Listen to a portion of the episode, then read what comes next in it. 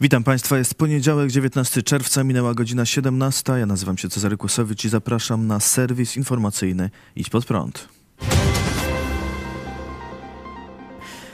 Najwyższa Izba Kontroli stwierdziła nielegalne wydanie 6 milionów złotych przez resort Przemysława Czarnka. Sprawę nagłośnił TVN24. W dokumencie Analiza wykonania budżetu państwa i założeń polityki pieniężnej w 2022 roku sporządzonym przez NIK wskazano niezgodne z prawem wydanie pieniędzy w ramach programu nazywanego w mediach Villa Plus. W dokumencie NIK zapisano Działaniem nielegalnym było przyznanie przez ministra edukacji i nauki w ramach programu Rozwój Potencjału Infrastrukturalnego podmiotów wspierających system oświaty i wychowania finansowanego z części Oświata i Wychowanie dotacji celowych w łącznej kwocie 6 milionów złotych na realizację inwestycji trzem podmiotom niespełniającym kryterium otrzymania dotacji określonego przez ministra. Jednemu podmiotowi w wysokości 4,5 miliona złotych poza trybem naboru wniosków określonym przez ministra oraz w łącznej wysokości 1,5 miliona złotych instytucjom kultury, które nie były uprawnione do udziału w programie. TVN24 wskazuje, że wspomnianym podmiotem, któremu nielegalnie przyznano 4,5 miliona złotych jest Fundacja Wolność i Demokracja, założona przez ministra Michała Dworczyka. W innym miejscu analizy NIK czytamy też o innym problemie w wydatkach resortu, na którego czele stoi minister Przemysław Czarnek. Udzielenie przez ministra edukacji i nauki dotacji celowych w łącznej wysokości 84,9 miliona złotych 149 wnioskodawcom, których wnioski nie zostały zarekomendowane przez zespoły doradcze. TVN24 wskazuje, że doradców, których rekomendacje później lekceważono, ministerstwo opłaciło blisko milionem złotych. Inna nieprawidłowość w resorcie według NIK to zawarcie przez ministerstwo w ramach programu Inwestycje w oświacie dwukrotnie umowy na kwotę ponad 3 milionów złotych z tym samym podmiotem na realizację tego samego zadania, co skutkowało wypłaceniem dotacji w kwocie dwukrotnie wyższej niż została przyznana. TVN24 wskazuje, że chodzi o umowę z Towarzystwem Salezjańskim Inspektorią Świętego Stanisława Kostki w Warszawie. Według danych NIK Ministerstwo Edukacji i Nauki szczególnie często kierowało dofinansowania do podmiotów zlokalizowanych w województwie lubelskim, które jest okręgiem wyborczym Przemysława Czarnka. Podmioty z lubelskiego dostały prawie 21% wszystkich środków i były pod tym względem drugie za województwem mazowieckim. Ministerstwo Edukacji i Nauki odpiera zarzuty. Rzeczniczka prasowa ministerstwa napisała na Twitterze: W dokumencie NIK nie ma zarzutu nielegalności, wskazanej niezgodności z prawem, ani naruszenia dyscypliny finansów publicznych i wezwała TVN24 do sprostowania. Ponadto resort wydał oświadczenie, w którym stwierdził, że NIK stwierdziła, iż środki były wydatkowane zgodnie z prawem, a postępowanie było prowadzone w sposób transparentny i na podstawie przepisów prawa. Resort stwierdza również, że nieprawdą jest, na co wskazała autorka tekstu, że Fundacja Wolność i Demokracja złożyła drugi wniosek w ramach naboru, tylko aktualizowała pierwszy wniosek. Ministerstwo podkreśla, że wszystkie instytucje, które otrzymały środki niezgodnie z zasadami, po stwierdzeniu błędu zwróciły środki. Minister Przemysław Czarnek skomentował sprawę krótko. Odgrzewanie kotletów to ciągle jedyny program opozycji totalnej. Uspokajam, karawana idzie dalej i nie zwalnia tempa. Dla, dobrej Pols dla dobra polskiej oświaty kroczymy do kolejnego zwycięstwa. Minister pochwalił się też dzisiaj na Twitterze udziałem w uroczystości otwarcia drogi gminnej Goszczanów Karolina. Posłanka Lewicy Agnieszka Dziemianowicz-Bąk poinformowała, że w związku z informacjami podanymi przez Najwyższą Izbę Kontroli Lewica składa zawiadomienie do prokuratury o możliwości popełnienia przez ministra Czarnka przestępstwa polegającego na nadużyciu uprawnień, przekroczeniu obowiązków i wykorzystaniu pełnionej funkcji, by w swoich celach wydatkować publiczne pieniądze. Po tych oświadczeniach Najwyższej Izby Kontroli nie pozostaje nam nic innego, jak złożyć zawiadomienie do prokuratury. Zawiadomienie o możliwości popełnienia przestępstwa przez ministra Przemysława Czarnka polegającego na e, nadużyciu swoich uprawnień, na przekroczeniu e, obowiązków, na po prostu E, wykorzystaniu swojej funkcji do tego, żeby w prywatnych celach, w celach koniunkturalnych, w celach kumoterskich wydatkować publiczne pieniądze. Sprawność intelektualna posła Jacka Ozdoby. Ta kwestia rozgrzała w sobotę internautów na Twitterze. Poseł suwerennej Polski Jacek Ozdoba postanowił wykorzystać mecz reprezentacji Polski w piłce nożnej z reprezentacją Niemiec do walki politycznej i po wygranym przez Polskę meczu napisał na Twitterze Polska Tusk 1-0, opatrując nazwisko lidera opozycji niemiecką flagą. Na wpis posła Ozdoby zareagował Zbigniew Boniek, obecnie wiceprezydent Unii Europejskich Związków Piłkarskich UEFA. Boniek napisał: Przepraszam, co to za debil. Wpis Bońka zyskał ponad 2 miliony wyświetleń. Poseł Jacek Ozdoba zareagował na kilka sposobów. Najpierw zapowiedział donos, pisząc: Czy to jest oficjalne stanowisko UEFA? Zwrócę się do UEFA z oficjalną skargą na pana zachowanie. Później próbował żartować. Boniek ostro o Tusku, szok. A na koniec wyzwał Zbigniewa Bońka na debatę. Powiedzmy sobie wprost, był pan wybitnym piłkarzem, beznadziejnym trenerem i żałosnym prezesem, a o polityce nie ma pan zielonego pojęcia. Nawet dziecko wie, że Tusk prowadził proniemiecką politykę, czego sam Tusk nie ukrywał.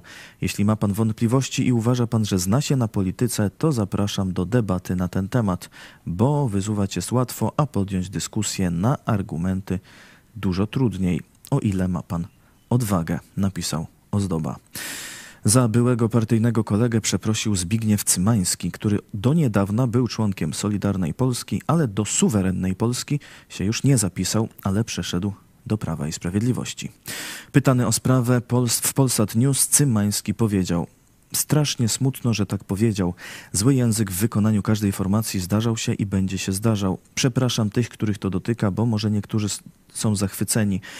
Są granice i uważam, że to było niestosowne. Jacek Ozdoba w odpowiedzi przeprosił za Cymańskiego. Tak pisząc na Twitterze, Poseł Cymański lubi przepraszać. To ja przeproszę za tatka. Jako poseł z ustami pełnymi frazesów nic nie robił i był bierny w sprawach wrażliwych społecznie. Słusznie radio RMFFM to podsumowało jako nieróbstwo. Dlatego nie żałujemy, że odszedł. Najgorzej jak słowa rozchodzą się z czynami. A całe zamieszanie komentował dziś Fić pod prąd na żywo pastor Paweł Chojecki. Polacy no, zrobili nie to, co inne narody po meczu, bo co by zrobiły inne narody? Świętowały. By świętowały, o, wygraliśmy z Niemcami, powinniśmy się cieszyć, dobrze wspominać, a tu zobaczcie, nie pozwolono nam zapomnieć, że trwa kampania wyborcza i że musi być e, na parzanka. Musi być na parzanka tych dwóch uli. Wczoraj na nauczaniu mówiłem, że to nie ule, bo w ulach no to pszczoły pracują, nie? Coś dobrego. Współdziałają. Jakiś miód jest, nie? I tak, tak dalej. A to porównałem do dwóch wychodków, a tam nie pszczoły, tylko muchy, nie? Różne tak. plujki i już tam nie będziemy dalej rymować. E, także myślę, że to porównanie dwóch wychodków środków, które się nawzajem naparzają, jest lepsze e, do oddania tego, co się dzieje. W sobotę przez Warszawę przeszła Parada Równości, jak podali organizatorzy, w tym roku dedykowana prawom osób transpłciowych. Kilka tysięcy osób szło z kolorowymi flagami ruchu LGBT pod hasłem Wróżymy równość i piękność. Patronat nad przemarszem objął po raz kolejny prezydent Warszawy Rafał Trzaskowski. Do zgromadzonych przemówiła m.in. Ani Hidalgo, mer Paryża, która przyjechała na zaproszenie Trzaskowskiego. W paradzie udział wziął także ambasador USA Mark Brzeziński i 30 pracowników ambasady. Jak stwierdził Brzeziński, prawa człowieka, równość to najważniejsze wartości. Stany Zjednoczone wspierają równość i wspieramy Polskę i wszystkich Polaków, którzy wyznają te wartości. Było też kilka małych kontrmanifestacji. Przy trasie marszu między innymi spalono kilka kolorowych flag. W niedzielę natomiast przez Warszawę przeszedł 18 Narodowy Marsz dla Życia i Rodziny. Uczestnicy szli pod hasłem Dzieci przyszłością Polski. Marsz odbywał się w ulewnym deszczu. Wzięli w nim udział m.in. przedstawiciele ruchów i stowarzyszeń katolickich, takich jak Rycerze Kolumba, Rycerze Jana Pawła II oraz Wojownicy Maryi. Do uczestników przemawiał m.in. dziennikarz Jan Pospieszalski, mówiąc o dorastaniu w wielodzietnej rodzinie. Podobny marsz odbył się także w Gdańsku. Tam przemawiał arcybiskup Tadeusz Wojda, który stwierdził, że uczestnicy bronią sakramentu małżeństwa i tego wszystkiego, co stanowi o naszej sile. Tak jak wielokrotnie podkreślał kardynał Stefan Wyszyński czy Jan Paweł II, zdrowa rodzina to zdrowe małżeństwo, to zdrowe społeczeństwo polskie. Ważne, byśmy cieszyli się tym, co jest piękne, powiedział biskup Wojda. Sejm przyjął w piątek prezydencką nowelizację ustawy o Komisji Badania Wpływów Rosyjskich, zwanej Lex Tusk.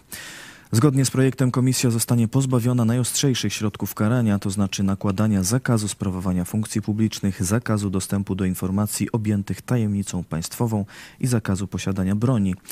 W zamian komisja ma stwierdzać, że osoba, wobec której ustalono, że działała pod wpływem Rosji, nie daje rękojmi należytego wykonywania czynności w interesie publicznym. Zmieni się także tryb odwołania od decyzji komisji. Odwołania mają być składane nie do sądu administracyjnego, ale do powszechnego sądu apelacyjnego. Członkami komisji nie będą mogli zostać ani posłowie, ani senatorowie, jednak wciąż członków komisji powoływać ma Sejm większością głosów. Większość przedstawicieli opozycji krytykowała projekt, zarzucając, że nawet po nowelizacji ustawa będzie niekonstytucyjna. Krytykowano fakt, że komisja ma mieć możliwość nakładania kar za coś, co nie było przestępstwem w momencie działania. Ma też naruszać zasadę domniemania niewinności i tajemnicę zawodową. Sposób działania komisji narusza też prawo do obrony. Według opozycji komisja ma być narzędziem do walki politycznej. Nowelizacja ustawy trafi teraz do Senatu. A w piątek miała być także głosowana ustawa o karaniu za wyśmiewanie dogmatów. Projekt powstały z inicjatywy członków suwerennej Polski zakłada karanie nawet więzieniem za lżenie i wyszydzanie kościoła lub związku wyznaniowego, jego obrzędów lub dogmatów oraz za znieważenie przedmiotów czci religijnej. Do głosowania w piątek jednak nie doszło, ale swój projekt ciekawie argumentowali posłowie partii Suwerenna Polska Marcin Warchoł i Maria Kurowska. Będziemy decydować nie o polityce, dziś będziemy decydować o sumieniu. Z jednej strony wolność i godność, z drugiej strony przyzwolenie na opresję. E, mam nadzieję, że Sejm wybierze wolność, godność, e, nie będzie przyzwolenia na opresję, na atak, na agresję, na nienawiść. E, nie dla agresji, nie dla nienawiści, tak dla wolności. Widzimy, że niestety, ale obok y, tego środowiska, gdzie, które kształtowało nasze pozytywne postawy, czyli katolickich wartości, kiedy wiedzieliśmy, że pewne rzeczy nie godzą się, aby były w naszej kulturze. Nie godzi się wyszydzanie kogoś ze względu na wyznanie.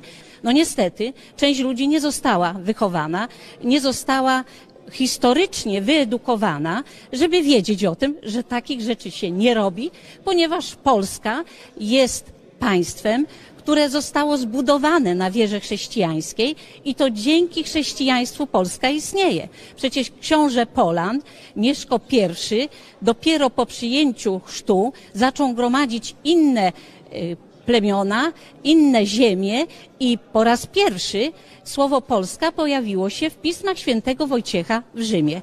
A więc nasza polskość jest związana chrześcijaństwem jeżeli ktoś tego nie rozumie, to niech się wyedukuje, a nie aby wprowadzał taki prymitywizm w nasze życie publiczne, społeczne, które nie godzi się, abyśmy się Polacy tak wzajemnie wobec siebie zachowywali. Jeżeli ktoś nie ma na tyle własnej wiedzy, kultury, pomyślunku, że wobec drugiego człowieka trzeba się zachowywać normalnie, czyli go szanować, no to trzeba to niestety wobec niektórych wymuszać prawem. Nie pozwolimy na to, aby Pan Bóg był obrażany w naszej ojczyźnie, bo wiara jest dla nas absolutnie zasadnicza, czymś najważniejszym. I przenosimy się za granicę. Szef amerykańskiej dyplomacji, sekretarz stanu Antony Blinken spotkał się z przywódcą komunistycznych Chin Xi Jinpingiem. To pierwsza od pięciu lat wizyta tej rangi polityka Stanów Zjednoczonych w Chinach. Dzisiaj amerykański sekretarz stanu odbył półgodzinne spotkanie z chińskim przywódcą. Xi Jinping mówił, że Chiny szanują interesy Stanów Zjednoczonych i nie starają się rzucać wyzwania USA ani ich wypierać.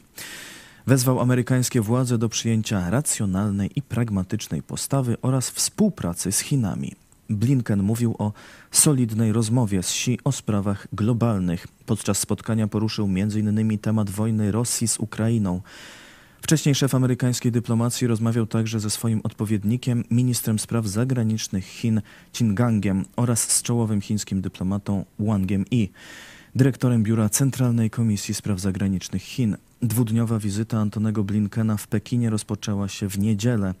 Była planowana na luty tego roku, jednak została odwołana po incydencie z chińskim balonem szpiegowskim, który odkryto i zestrzelono nad terytorium Stanów Zjednoczonych. Relacje amerykańsko-chińskie są napięte, a oficjalnym celem wizyty Antonego Blinkena było zachowanie kanałów komunikacji oraz niedopuszczenie do rosnącej eskalacji i ewentualnego otwartego konfliktu, a także wypracowanie mechanizmów zarządzania kryzysowego i rozmowy dotyczące interesów Stanów Zjednoczonych i ich sojuszników, w tym w regionie Azji. Blinken w trakcie wizyty poruszał też sprawę obaw o to, że chińskie firmy dostarczają Rosji technologie, które mogą być wykorzystane w wojnie przeciw Ukrainie. Rozmawiał też o naruszaniu praw człowieka w Chinach. A w Polsce też o naruszaniu praw człowieka w komunistycznych Chinach. Pomimo nacisków ze strony ambasady komunistycznych Chin w Warszawie, w Centrum Sztuki Współczesnej Zamek Ujazdowski w piątek 16 czerwca otwarto wystawę chińskiego artysty i dysydenta Badiu Sao. Chiny opowieść prawdziwa.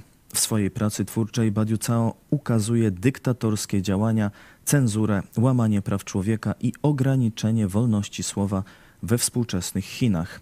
Na ekspozycji można zobaczyć grafiki, instalacje artystyczne. W dzień otwarcia wystawy Badiu Cao wykonał performance, podczas którego obrzucił jajkami wypełnionymi farbą portret Mao Zedonga.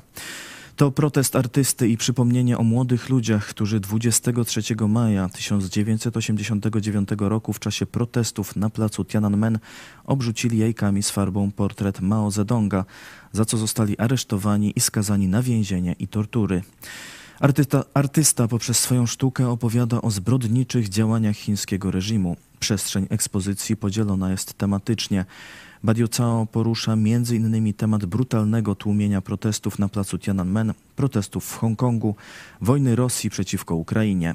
Przedstawiciel ambasady Chin Yao Dongye dwukrotnie pojawił się w Centrum Sztuki Współczesnej Zamek Ujazdowski i domagał się, by wystawa nie została otwarta.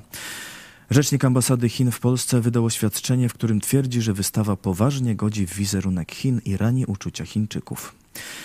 Podczas otwarcia wystawy autor Badiu Cao mówił Dziękuję Polsce i Polakom za możliwość zrealizowania tej ekspozycji. Moje wystawy odbywają się rzadko. Często do nich nie dochodzi wskutek oficjalnych protestów chińskiego rządu. Cały czas spotykam się z pogróżkami, prześladowaniami. Dziękuję za Waszą odwagę, a to, że bronicie moich praw, że bronicie demokracji, jednej z najważniejszych wartości. Najtrudniej przeprowadzić rozróżnienie między zwyczajnymi ludźmi i krajem, a rządem, partią, uzurpatorami. Problem polega na tym, że w Chinach słychać tylko jeden głos, głos partii. Chiński rząd chce, abyśmy my, Chińczycy, mówili jednym głosem, ale moja wystawa to mój głos. Staram się opowiedzieć historię Chin na własny sposób. Przedstawiciele naszej redakcji wzięli udział w otwarciu i autorskim oprowadzeniu po wystawie, a dziś o godzinie 18 zaprezentujemy wywiad z Badiu Cao. Chiny, opowieść prawdziwa. Zapraszam. To wszystko w tym wydaniu serwisu. Dziękuję Państwu za uwagę i kolejny serwis jutro o 17. Do zobaczenia.